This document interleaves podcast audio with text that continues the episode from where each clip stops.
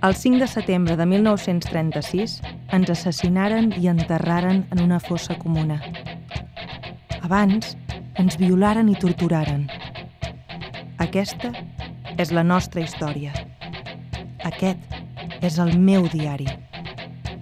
Diari d'una batalla.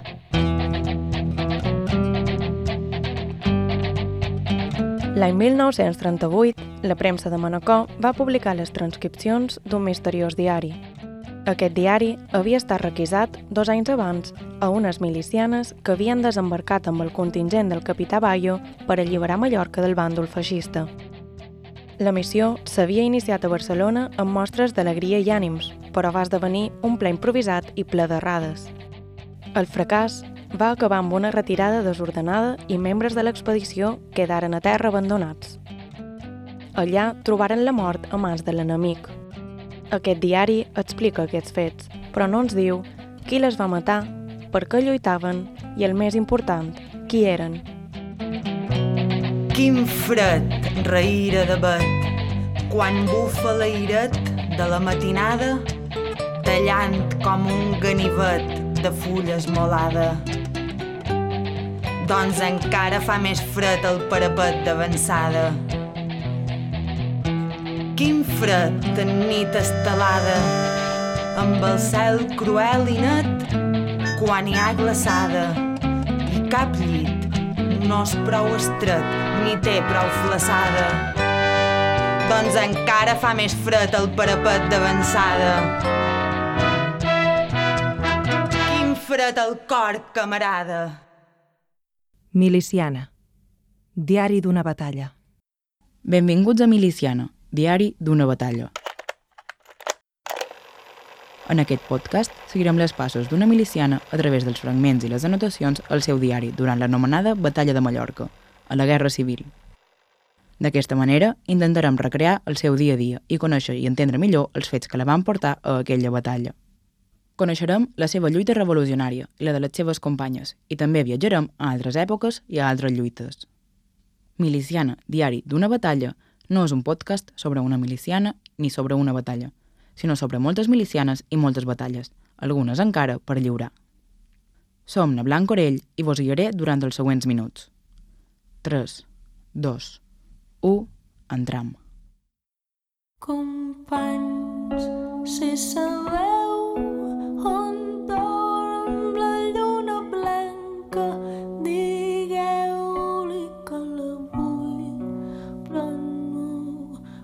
puc anar a estimar-la, que encara hi ha combat. Companys, si coneixeu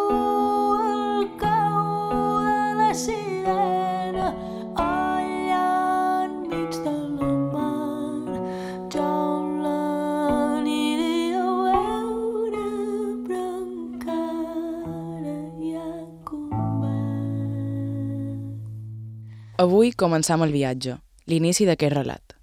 Ens centrarem en les primeres entrades del diari, 16, 17 i 18 d'agost del 1936, per demanar-nos per què varen venir.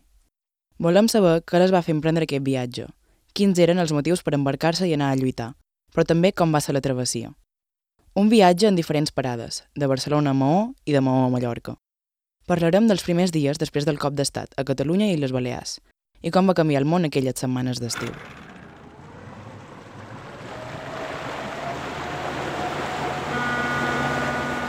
Capítol 1. El viatge.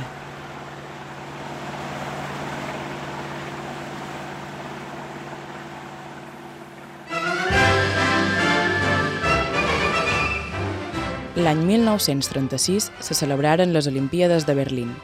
Aquestes pretenien ser una eina de propaganda per demostrar al món la supremacia àrea. Una supremacia qüestionada per Jesse Owens, atleta negre que va triomfar en aquelles Olimpíades. Aquell mateix any, la URSS inicià una forta repressió interna coneguda com la Gran Purga, que acabà amb l'afusellament i la deportació de milers de persones. El Japó tensava les relacions amb els seus veïns, Rússia, la Xina i Mongòlia, amb els quals es disputava territoris al continent asiàtic. Els Estats Units, el New Deal, intentà treure el país de la crisi del crack del 29, una crisi que acabaria afectant el futur mundial. la Itàlia de Mussolini forçava una guerra amb Eritrea per construir un relat feixista que el definís com a líder militar. A França, una col·lisió d'esquerres anomenada Front Popular governava el país amb tres dones al govern, tot i que el sufragi femení no es va fer efectiu en aquell país fins l'any 1944. I mentrestant, Anglaterra estava sumida en una crisi monàrquica. El rei Eduard VIII, personatge filonazi, havia abdicat i es volia casar amb Wallis Simpson, una celebrity estatunidenca divorciada. El món encara es recuperava de la Gran Guerra, que havia acabat només de 8 anys abans. Les ferides encara eren visibles. Europa era plena d'homes esgarrats per la guerra i les penúries econòmiques eren evidents. Els països es miraven de cua d'ull i molts mostraven perilloses ànsies expansionistes per tal de millorar la seva economia o recuperar la glòria perduda. El nou ordre mundial promogut per Wilson Goodrow, que fou president dels Estats Units i els seus 14 punts, precursor de la Lliga de les Nacions, ho tenien difícil per garantir la pau mundial. Mentrestant, a Espanya, el 1936 hi havia vigent la Segona República, instaurada el 14 d'abril de 1931. Para España, la del inagotable y misterioso renacer que una vez más podrá asombrar al mundo con el esplendor súbito de sus renacimientos inesperados.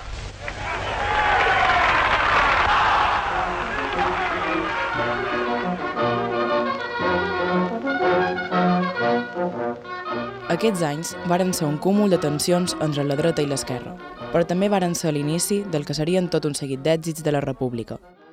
La molt esperada reforma agrària, l'accés a l'educació amb l'obertura de més de 10.000 escoles, les garanties de les llibertats individuals i el sufragi universal, que donava veu i vot a les dones.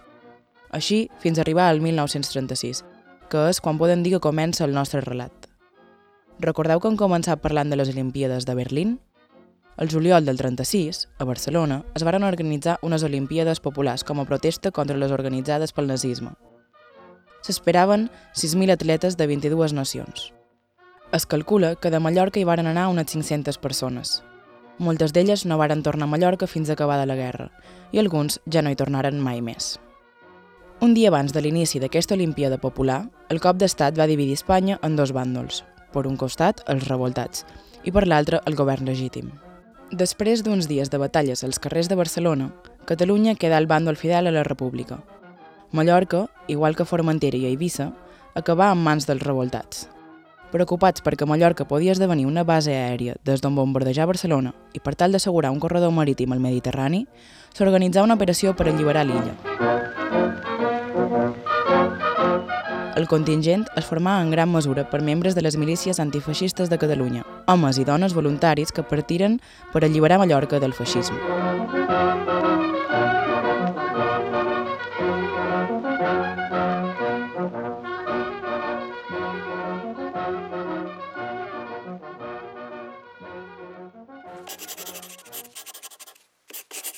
...16 d'agost de 1936. A les 6 de la tarda sortim de Barcelona a bord del Ciutat de Tarragona rum a Maó per prendre part en les operacions contra els feixistes. Som 30 milicianes i 400 milicians. Una vegada en el vaixell, ens acomiadem afectuosament entre visques a la República, a la Revolució i a les milícies antifeixistes. El viatge ha estat regular. La mare estava picada. Gairebé tothom s'ha marejat i a la nit no hem menjat res. A Barcelona, el cop d'estat va fracassar després de dos dies de lluita intensa a la ciutat.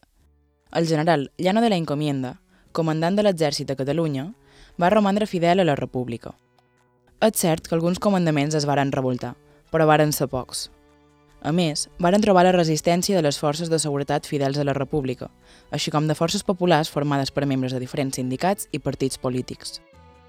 Avui podem veure fotografies d'aquells dies on es veuen barricades fetes amb llambordes, armes requisades als quarters, morts als carrers i retrats de persones anònimes sense uniforme empunyant un fusell. Segurament recordareu la famosa foto al terrat de l'Hotel Colón de la plaça de Catalunya on Marina Ginestà somriu insolent a la càmera, amb el fusell a l'espatlla i Barcelona darrere fons. Una mescla de tropes militars i grups no militars armats havien parat el cop, però ara tocava afrontar altres objectius. Els anarquistes i sindicalistes eren partidaris d'armar el poble. Catalunya es trobava entre Aragó i Mallorca, dos llocs en mans dels revoltats. Per tal de poder fer front a aquests reptes militars, es va crear el Comitè Central de Milícies Antifeixistes. Els membres d'aquestes milícies eren, principalment, homes i dones sense experiència militar, que en els millors dels casos rebrien unes poques sessions d'instrucció militar. El Comitè Central de Milícies Antifeixistes es va constituir el dia 21 de juliol de 1936. Estava format per la CNT, la FAI, Esquerra Republicana de Catalunya, Acció Catalana Republicana, la Unió de Rabassaires, la UGT, la Unió Socialista de Catalunya i el POU.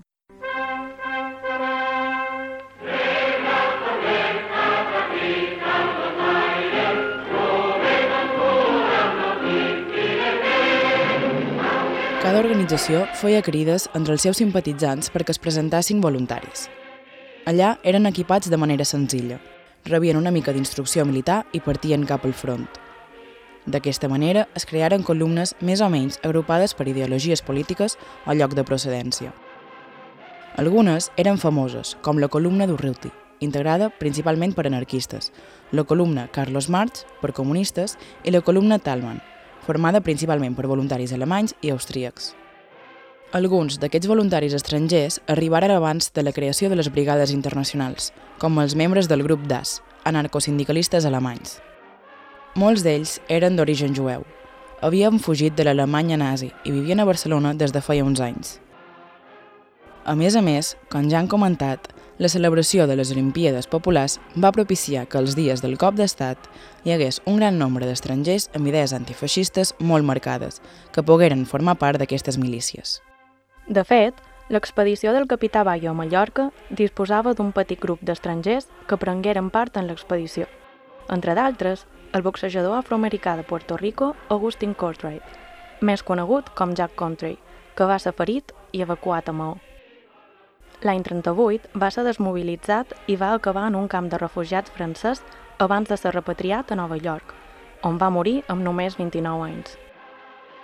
Margaret Zimbal va ser una miliciana alemanya que lluità a Mallorca, on morí el seu company, concretament al port de Manacor.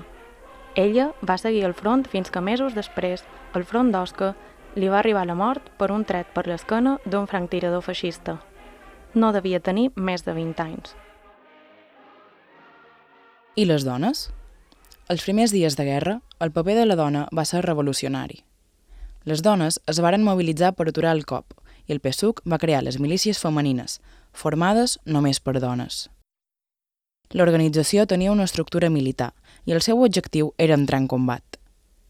Aquestes milícies eren liderades per Gavi Naviana, una important membre del PSUC i precursora de la presència de dones al front, amb qui ens retrobarem al llarg d'aquesta història. El 16 d'agost, la primera centúria del Batalló Femení de Milicianes de Catalunya va partir organitzada en tres banderes amb l'expedició de Mallorca. La Rosa de Luxemburg, la Bolxevic 31 i la Ei de la Fuente. Recordeu quin dia va sortir l'autora del diari? Això mateix, dia 16 d'agost.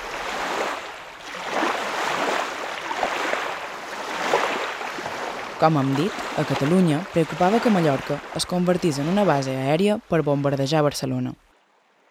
A més a més, hi havia una certa eufòria per haver parat la primera empomta dels revoltats. Semblava que tot era possible. Probablement va ser una de les primeres accions que va decidir el Comitè Central de Milícies Antifeixistes i es va confiar la missió al capità Alberto Bayo. El capità Alberto Bayo era un oficial d'aviació nascut a Cuba. Va ser un militar amb experiència a la Guerra del Marroc i membre de la Unió Militar Republicana Antifeixista, associació clandestina de militars amb ideologies d'esquerres. Una vegada acabada la guerra, durant la qual va ocupar diferents càrrecs militars, es va exiliar a Mèxic. Allà, una vegada més, va fer d'assessor militar en una expedició per alliberar una altra illa, Cuba, on va fer amistat amb Fidel Castro i el Che Guevara. Així doncs, només dues setmanes després del cop d'estat, el 3 d'agost surten els primers contingents del port de Barcelona. Si ho pensam bé, veurem que en dues setmanes s'havia aturat un cop d'estat i també s'havia organitzat una expedició militar per alliberar Mallorca del feixisme. I la primera aturada era Maó. 17 d'agost de 1936. Arribem a Maó a les 8 del matí i tenim ordres de no desembarcar. A les 10 del matí ens donen xocolata, pa i un got d'aigua. Per fi, a les 12.30 aconseguim baixar a terra i allà els militars fidels a la República ens allotgen en diferents cases de Maó. Anem al casino de suboficials, on aprofitem per escriure als pares. La Teresa, la Tere i jo som inseparables i sempre anem juntes. La Maria Teresa és la cap del grup. Més tard som destinades a menjar a l'Hotel Bustamante. Abans de menjar ens rendem una mica. Dinem entremesos, tomàquet, olives, tàperes i sardines. Després sopa, mandonguilles, lluç i carn amb tomàquet. De postre, meló i peres. Tornem al casino de suboficials a prendre cafè. Dos sergents de milícies ens porten a l'hospital i més tard visitem el poble. Comprem algunes coses i prenem cervesa. A les 10 sortim novament en el ciutat de Tarragona cap a Mallorca.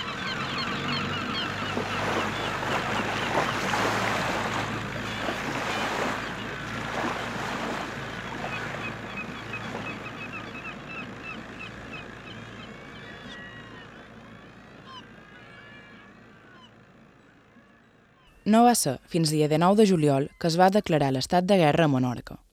Primer a municipis com Maó, Es Castell, Es Mercadal i a Leó. I després, per mitjà de la força, a la resta de pobles. La situació no va durar gaires dies i Menorca va ser l'única illa que va quedar republicana durant els primers anys de la guerra. És per aquest motiu que quan el vaixell ple de milicianes va arribar al port de Maó, els republicans pogueren entrar-hi sense problemes. El port de Maó ha estat des de fa segles una figura important i disputada. Ja el 1713, amb la firma del Tractat d'Utrecht i la fi de la Guerra de Successió Espanyola, l'illa va passar a ser britànica. Per això, quan la corona ballava entre Felip d'Anjou i Carles d'Àustria, els britànics donaren suport al candidat Habsburg i aconseguiren dos dels territoris estratègics del mar Mediterrani en el Tractat de la Pau, Menorca i Gibraltar. Com han comentat, Menorca va ser l'única illa que va quedar sota el govern de la República durant els primers anys de la guerra. Però al principi no havia estat així. Dia de 9 de juliol, sota les ordres del comandant militar de Menorca, José Bosch Alzina, els primers oficials es varen alçar a favor dels revoltats. I així va ser com començaren a empresonar els adversaris. El general Bosch només confiava en el personal de l'estat major, i això va jugar en contra seu. Després d'alçar-se, va arribar la notícia que el cop d'estat havia fracassat a Barcelona. La notícia va crear rebombori i fou així com una part dels sotsoficials començaren a treballar conjuntament amb les forces polítiques i sindicals d'esquerra per frenar els revoltats. El més viu va ser el brigada Pere Marquès Barber, home de confiança del general Bosch. Les notícies que arribaven de Barcelona causaven molta intranquil·litat en les tropes. Marquès, aprofitant la confiança del general Bosch, començà a jugar un doble joc. Es va comprometre davant els oficials a fer complir les noves ordres, però va aprofitar per organitzar un contracop i restablir l'ordre legítim de la República. Finalment, varen desarmar i detenir els caps i oficials a favor de l'alçament. També exigiren l'alliberament dels civils empresonats i acabaren tancant el general Bosch, que era a la comandància militar, i els oficials de Ciutadella i de la Mola, fent caure així les resistències que encara quedaven. Dia 20 de juliol de 1936, després de nomenar les noves autoritats civils i militars, les represàlies canviaren de bàndol i es registraren morts aleatòries com la del capellà Joan Huguet, executat per ser fidel a la seva religió. Els caps i oficials revoltats moriren afusellats dia 3 d'agost a la penitenciària militar de la Mola. En total, varen morir fins a 87 homes de l'exèrcit i la marina.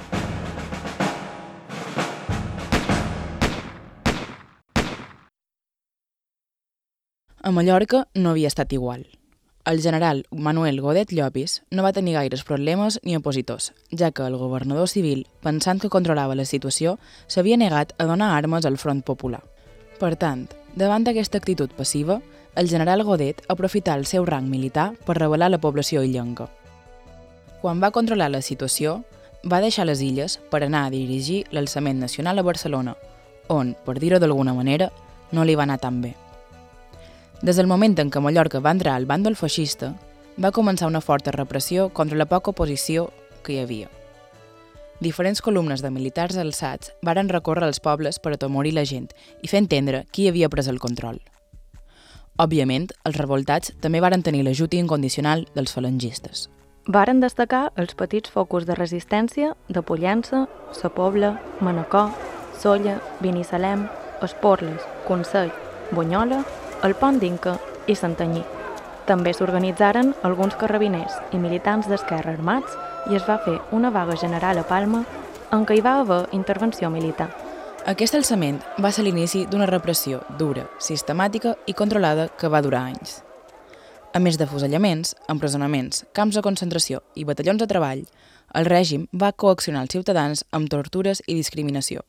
Mai no sabrem com hauria anat tot si l'expedició del capità Bayo hagués tingut èxit.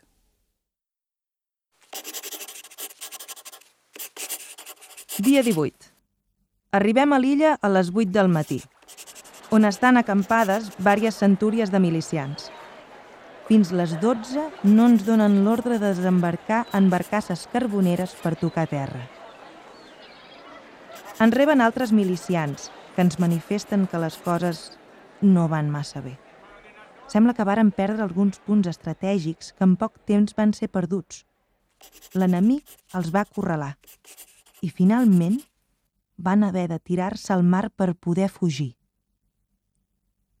Alguns d'ells moriren ofegats. En arribar, no hi ha res de menjar.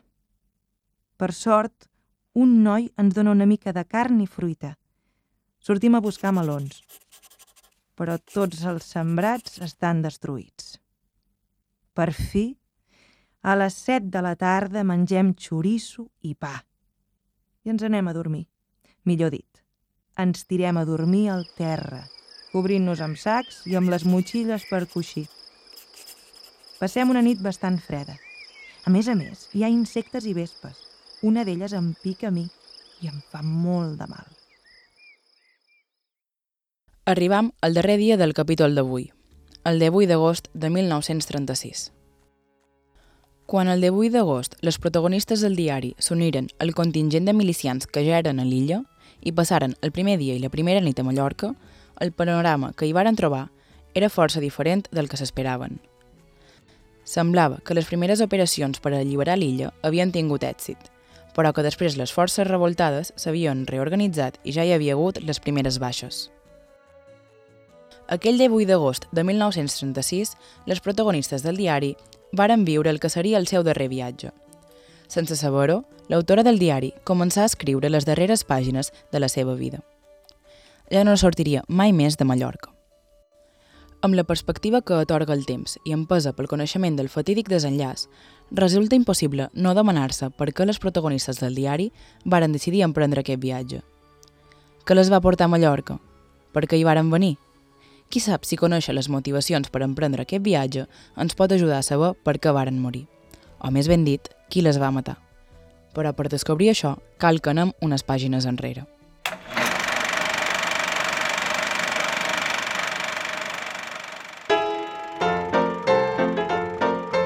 Els anys 20 a Espanya varen ser uns anys convulsos. Mentre una part de la societat espanyola demanava reformes modernitzadores i donava suport a la revolució de la classe treballadora, les classes dominants no volien perdre el seu poder. L'any 1923, amb el suport del rei Alfons XIII, s'imposà la dictadura militar de Miguel Primo de Rivera per tal d'ajornar el canvi social. La dictadura va durar fins al 1930. Després de fortes pressions socials i ja sense el suport del rei Alfons XIII i la cúpula militar, Primo de Rivera presentà la dimissió. El 12 d'abril de 1931 es varen celebrar a Espanya unes eleccions municipals que es convertiren en un plebiscit sobre la monarquia.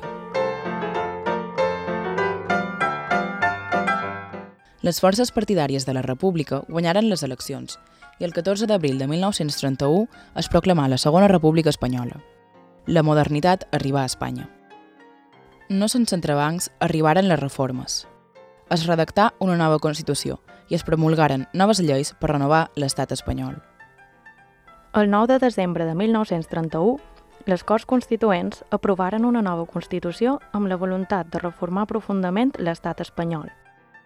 Els principis polítics que la inspiraven eren la democràcia, el regionalisme, el laïcisme, l'economia social i la igualtat entre la ciutadania. Amb la nova Constitució i amb la promulgació de lleis com la del matrimoni civil, la del divorci o la llei de llibertat de culte, se cercava la secularització de l'Estat.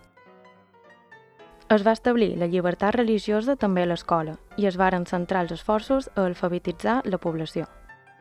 També s'engegaren, entre enormes dificultats, les reformes laborals i agrícoles. Tot l'Estat es va modernitzar, però un dels col·lectius que es va veure més afectat per aquestes reformes va ser el de les dones, que amb l'arribada de la Segona República varen veure com la seva situació començava a millorar.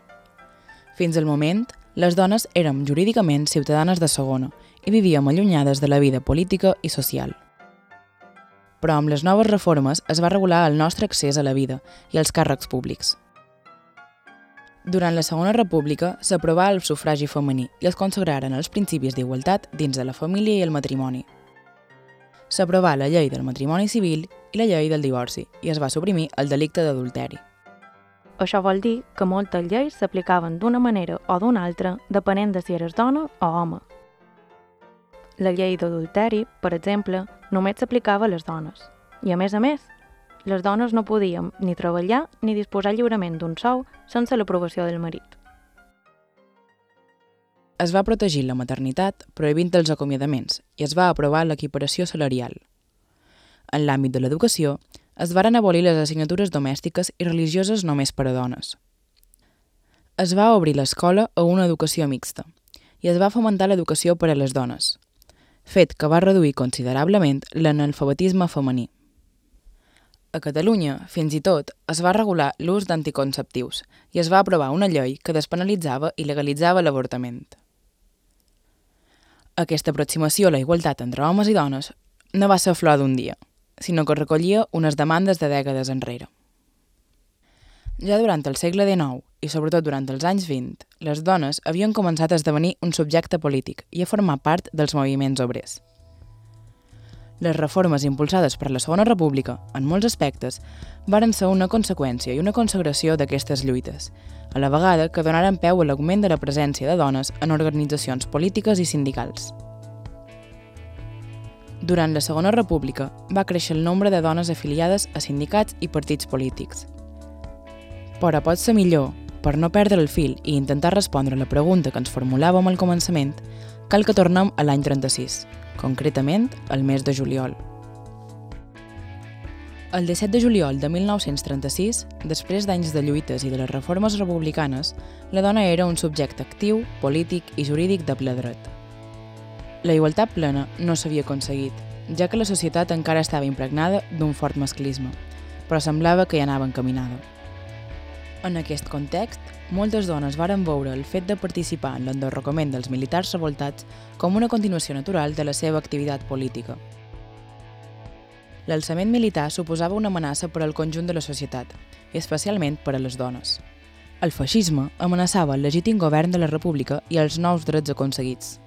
Per això, s'havia d'alçar la veu i posar el cos per derrotar els insurrectes. De manera espontània, els primers dies, moltes dones varen sortir a defensar la república als carrers. I per què no dir-ho, varen sortir a defensar-se a si mateixes. Mujeres, defended la vida de vuestros hijos, defended la libertad de vuestros hombres. Todos los sacrificios imaginables antes que consentir que triunfen las fuerzas que representan un pasado de opresión, un pasado de tiranía. Vivan las bravas milicias populares, vivan las fuerzas leales que luchan al lado de los trabajadores, viva la república, viva la democracia, abajo el fascismo, abajo la reacción.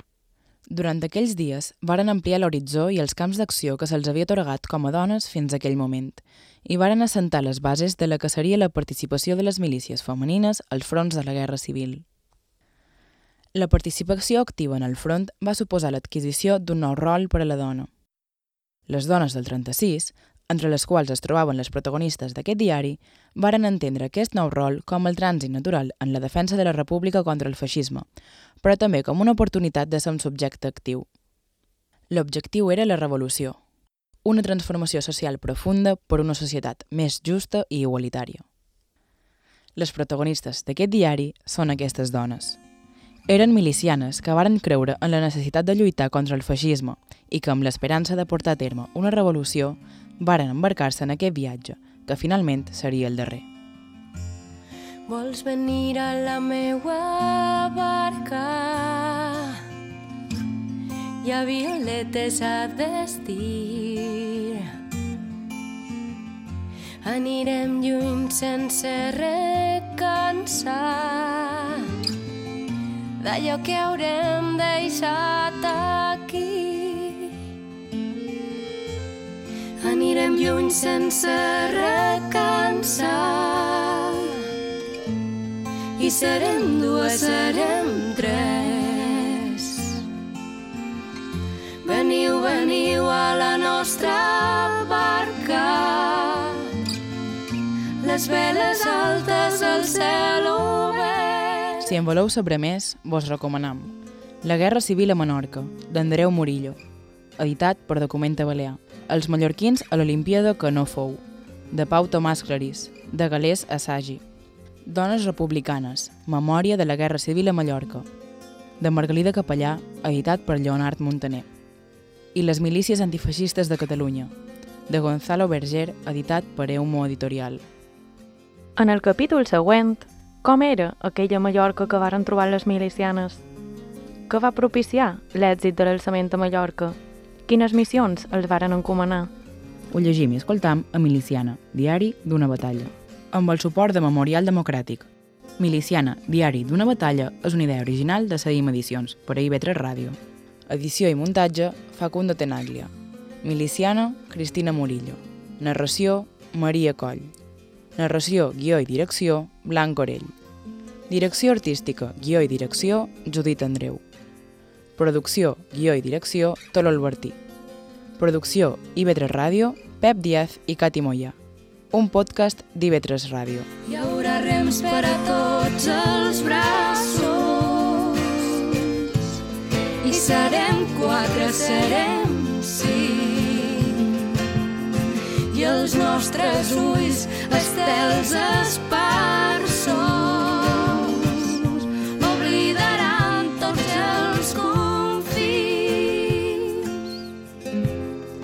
tertimpal